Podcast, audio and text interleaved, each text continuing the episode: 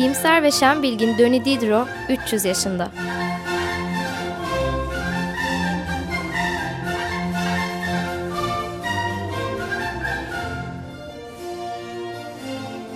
Hazırlayıp sunan Evren Asena.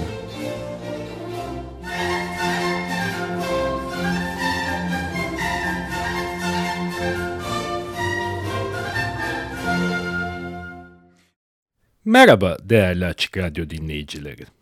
Büyük Fransız düşünürü Denis Diderot'u doğumunun 300. yıl dönümünde andığımız program dizimizin yeni bir bölümüyle huzurlarınızdayız. Geçen bölümümüzde aydınlanma çağının veya aydınlıklar yüzyılının veya ışıklar yüzyılının yani 18. yüzyıl Fransa'sının muhteşem abidesi ansiklopedinin serüveninden söz etmeye başlamıştık. Projeyi ilk ortaya atanların sahneden çekilmeleri üzerine yayıncı Le Breton başka yayıncılarla ortaklığa gitmiş, ardından bu yayıncılar editör kadrosunu şekillendirmeye başlamış, Jean-Baptiste Guademalve isminde aydın bir din adamıyla projenin yürütücülüğü için anlaşmışlardı. Guademalve'ın yardımcıları olarak 1745 yılı Aralık ayına ait hesap defterlerinde D'Alembert'in bir ay sonra yani 1746 yılının Ocak ayında ise Diderot'un isimlerine rastlıyor olmamızdan hareketle yayıncıların öncelikle D'Alembert'i Guademalve'in yardımcısı olarak tayin ettikleri bir süre sonra ise muhtemelen onun aracılığıyla tanımış oldukları Diderot'u da projeye dahil ettikleri sonucuna ulaşabiliriz. Şimdi biraz D'Alembert'den söz edelim. Yüzyılın bu dahi çocuğu Madame de Tencin isimli döneminin hayli şöhretli, soylu ve aydın kadınlarından biriyle Yine pek meşhur bir askerin, Chevalier de Touche isimli bir askerin evlilik dışı çocuğudur. Doğumunun ardından Saint Jean de la Ronde manastırının önüne bırakılmış vaziyette bulunmuştur. Ne annesinin ne de babasının umursadığı bu çocuk hele de 18. yüzyıl Fransa'sında benzeri bir durumdaki herhangi bir çocuğun karşısına çıkabilecek bütün engelleri alt etmiş, anne ve babasının kim olduğu Sağır Sultan tarafından bile bilindiği halde yetimhanede büyümek durumunda bırakılmış, daha genç yaşlarından itibaren ünlü bir matematik dahisi olarak ünü bütün Fransa'yı tutmuştur. O esnada yani 1745 sonu ve 1746 başlarında D'Alembert Diderot ile tanışalı daha sadece birkaç ay olmuştur. Dostu Kondiyak aracılığıyla tanışmıştır Diderot ve onun hayli mesafeli arkadaşı Rousseau ile ve bunun ardından hep birlikte ayrılmaz bir dörtlü oluşturarak her hafta en az bir kez toplanır olmuşlardır.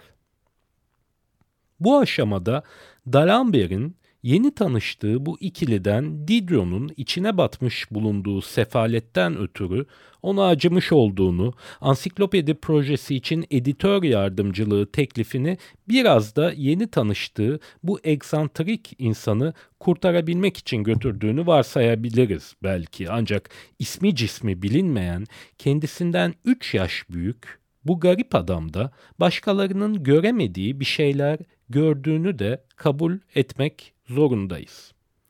Diderot, kendisini ilk tanıyanların gözünde hiperaktif, taşkın, konudan konuya atlayarak konuşan, çok konuşan, hızlı konuşan, eğlenmeye, kadınlara, içkiye, yemeğe, ev cümle var olan bütün hazlara düşkün bir profil çizmektedir.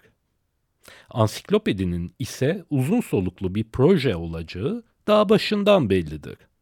D'Alembert'in bu denli büyük ve zaman alacak bir projenin gerektirdiği azim derecesiyle Diderot'un maymun iştahlılığı çağrıştıran karakterini uyuşturamıyor olması daha makul gözükse de kim bilir belki farklı bir izlenim edinmiştir matematik dahisi ve ne olursa olur ve Diderot da projeye dahil olur. Değerli Açık Radyo dinleyicileri, burada bir yorum yapmamıza müsaade edilsin lütfen. Tarihte bir projenin bir insana böyle eldivenin ele uyduğu gibi uyduğu nadir görünmüştür. Anahtar tam anlamıyla kilide oturmuştur. Kısa sürede projenin bütün hammallığını ve organizatörlüğünü üstlenecek olan, o zamana dek havai ve hercai diye biline gelen ve kim bilir belki de hafife alınan Diderot'un elinde ansiklopedi başlangıçta varsayıldığının çok ötesine geçecek, başlangıçta bu işe girişmiş, dönem dönem etkili de olmuş herkes, evet herkes, D'Alembert dahil, yayıncılar dahil, herkes birer birer el çekecek, Diderot ise ta sonuna, ta en sonuna dek projenin içinde kalacak, kimi zamanlar kimi ciltleri gizlice yayınlamak pahasına, kovuşturma tehditleri pahasına, birçok insan nezdinde şeytanlaştırılmak pahasına tam 25 yıl boyunca ansiklopedinin mücadelesini verecektir.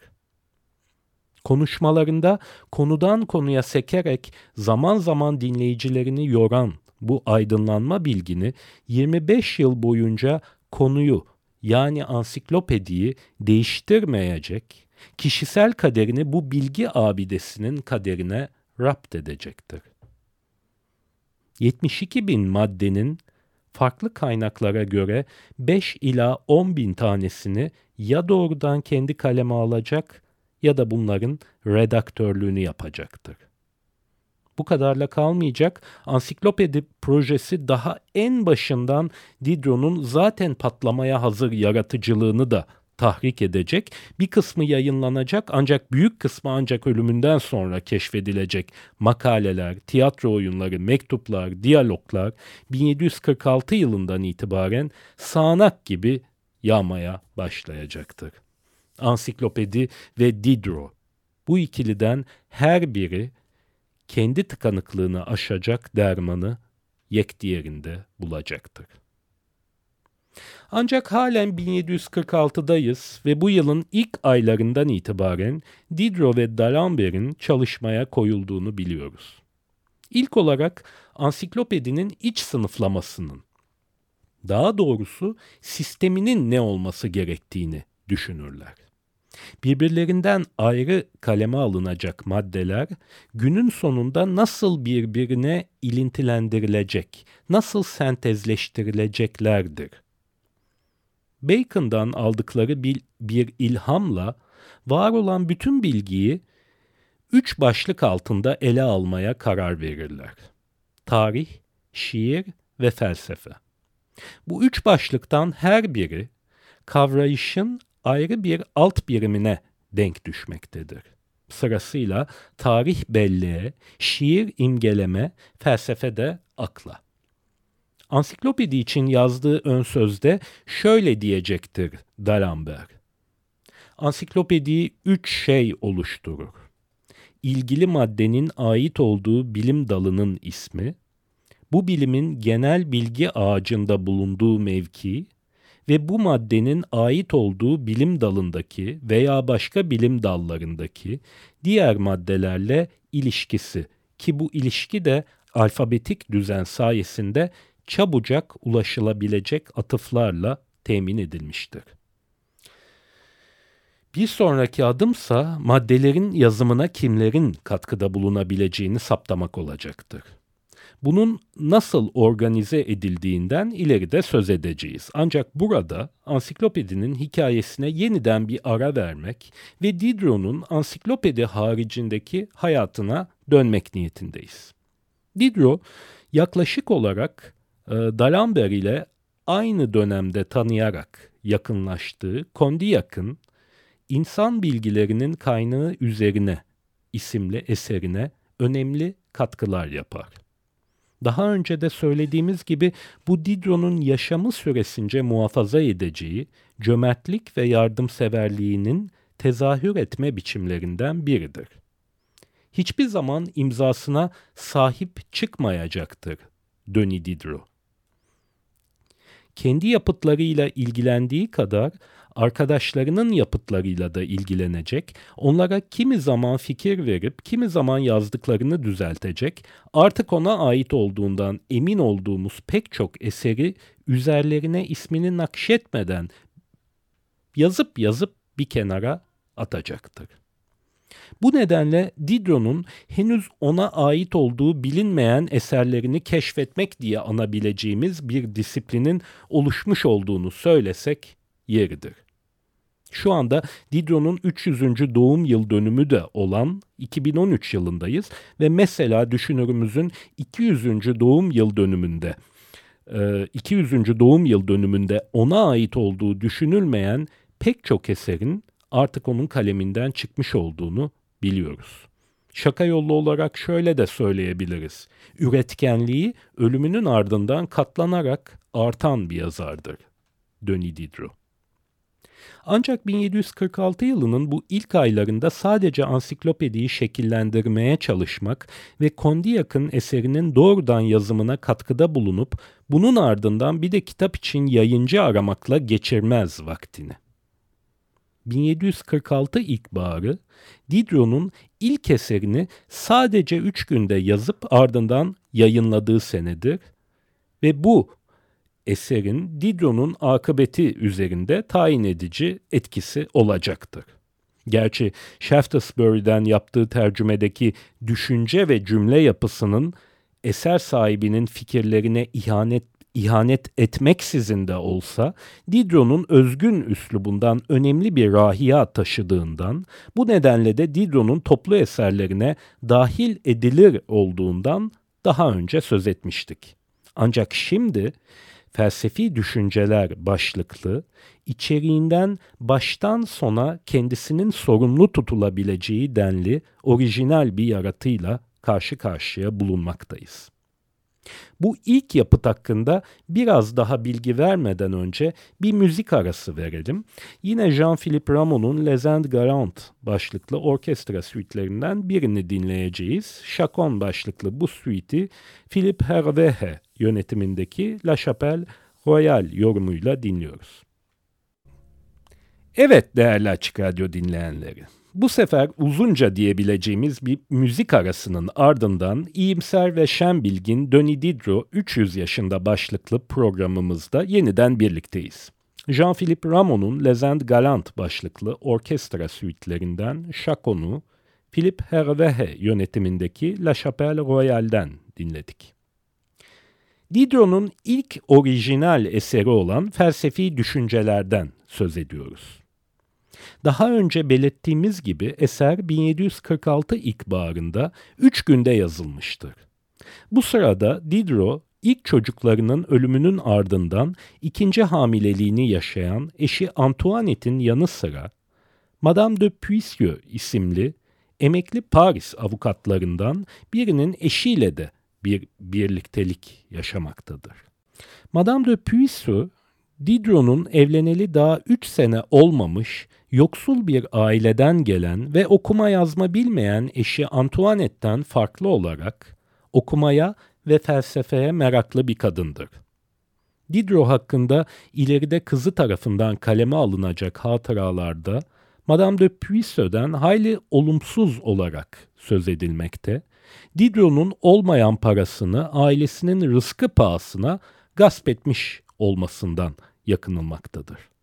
Tabi yıllardır sefaletin göbeğinde yaşayan ve düzenli bir gelire kavuşma fırsatını ancak yeni üstlendiği ansiklopedi projesi sayesinde yakalayan Diderot'un nereden para bulup da Madame Puisseau'ya yetiştir yetiştirdiği kısmen meçhuldür.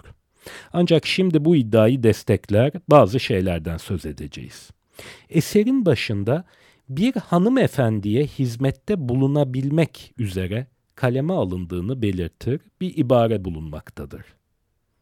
Ne anlama gelmektedir bu ibare? Bir kere Diderot Paris'te isimsiz olarak basılmış ancak o zamanlar adet olduğu üzere Lahey'de basılmış gibi gösterilmiş bu kitap karşılığında yayıncısından aldığı bütün parayı götürüp Madame de Puisseau'ya teslim etmiştir. Dolayısıyla son tahlilde gerçekten de kitabın başında ifade ettiği amaca nail olduğu ve bir hanımefendiye hizmette bulunmuş olduğu söylenebilir.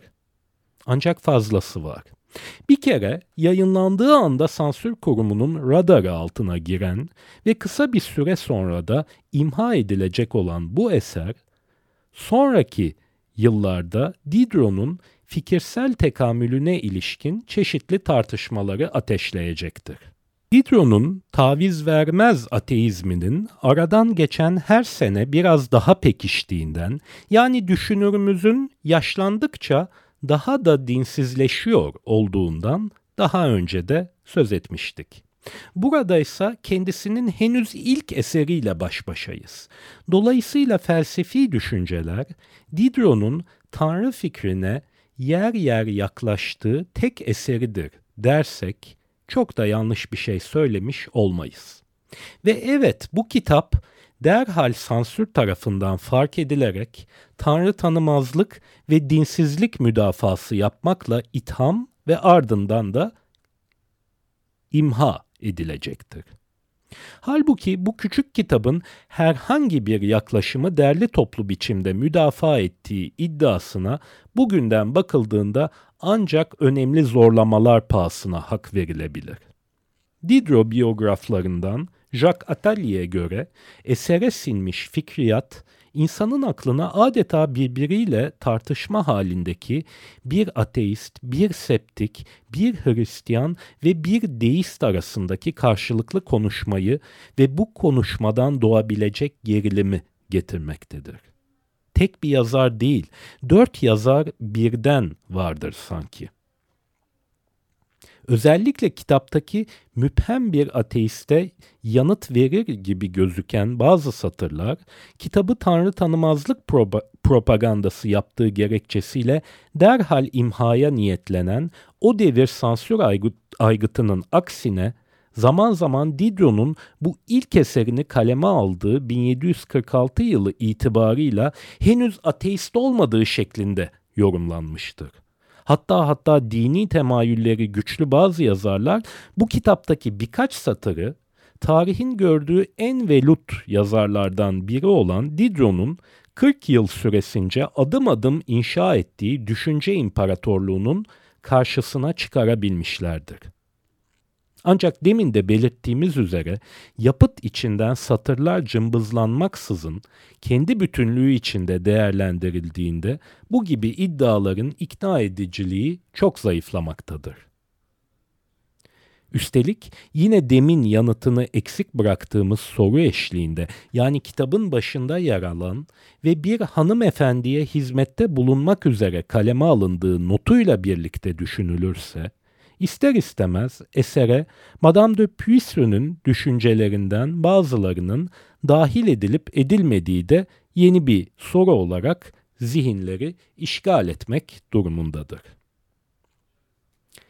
Diderot'un ateizminin giderek daha sistemli bir hale geldiği, daha doğrusu Diderot'un ateizmi giderek daha sistemli bir hale getirdiği şeklindeki bugün artık üzerinde ittifak edilmiş zaviyeden bakıldığında Elbette Diderot'un bu daha ilk eserinde de ateist olup olmadığı önemsiz bir soru haline gelmektedir. Nihayetinde yayınlanır yayınlanmaz okurlardan teveccüh görmüş, baskısı derhal tükenmiş, daha ilk günden düşünceyi ifade kudretinin bir zirvesi olarak selamlanmıştır. Yapıtlarına ve yazılarına sonradan müdahalede bulunmama gibi bir alışkanlığı hiçbir zaman olmamış düşünürümüz, yaşamı boyunca sürdüreceği adeti üzere düşüncelerini daha kompakt yani sıkı dokunmuş hale getirerek ikinci baskıyı ilkinin yarısı ebadına indirmiş ancak bu ikinci baskıyı yayınlama fırsatı bulamadan kitap mahkeme tarafından yasaklanmış ve artık nadiren başvurulan bir cezalandırma yolu olarak yırtılarak yakılmaya mahkum edilmiştir. Geçen bölümde de ifade ettiğimiz gibi bütün kitapların toplanarak kelimenin hakiki anlamında yakılmasından ziyade sembolik bir ritüel söz konusudur burada. Ancak bu bile dönemi için sıra dışıdır. her satırından belagat fışkıra, fışkıran bu kitabın meçhul yazarının kim olduğu derhal öğrenilecek ve aydın kamuoyunda kulaktan kulağa yayılacaktır. Bir de bunun üstüne kitabın alel acele ateşe verilmesinin Diderot'un şöhretini bir hayli arttırdığını söyleyebiliriz. Polis raporlarından da yaklaşık bir yıl sonra yani kamuoyuna kıyasla biraz gecikmeli olarak da olsa Diderot'un eserin yazarı olarak sansür aygıtı ve hukuk sistemi önünde faş olduğunu öğrenmekteyiz. Bu raporlardan Diderot'un daha bu ilk yapıtıyla tehlikeli bir figür olarak kayıtlara geçtiğini biliyoruz. Biçim açısından bakıldığında ise felsefi düşünceler birbirinden tamamen kopuk ya da en azından ilk bakışta öyle gözüken 62 adet aforizma çarpıcılığında paragraftan oluşmaktadır. Başlık iki büyük esere yani Pascal'ın düşüncelerine ve Voltaire'in felsefi mektuplarına atıfta bulunmaktadır kimilerine göre. Üslup, önümüzdeki hafta bu eserden kimi parçalar okuduğumuzda daha iyi görülebileceği üzere son derece çarpıcıdır. Elbette yayınlanan ilk dini bağnazlık karşıtı kitap değildir bu. Ancak bu gibi zındıkça fikirlerin daha alçak gönüllü biçimde dile getirilmesine alışmıştır kamuoyu. Felsefi düşünceler ise hemen fark edilebileceği ve fark da edildiği gibi insanlara tuhaf ve sıra dışı gözüken bir özgüvenle kaleme alınmıştır. Büyük çağın büyük filozofu adım adım sahne ışıklarının altına yaklaşmaktadır. Önümüzdeki hafta Diderot'un bu ilk dönem yapıtını yani felsefi düşünceleri daha detaylı ele almak üzere tekrar buluşuncaya dek hepinize sağlıklı ve mutlu bir hafta dilerim değerli Açık Radyo dinleyicileri. Hoşçakalın.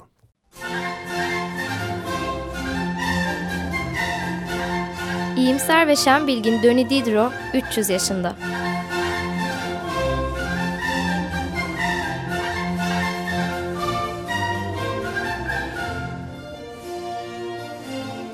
Hazırlayıp sunan Evren Asena.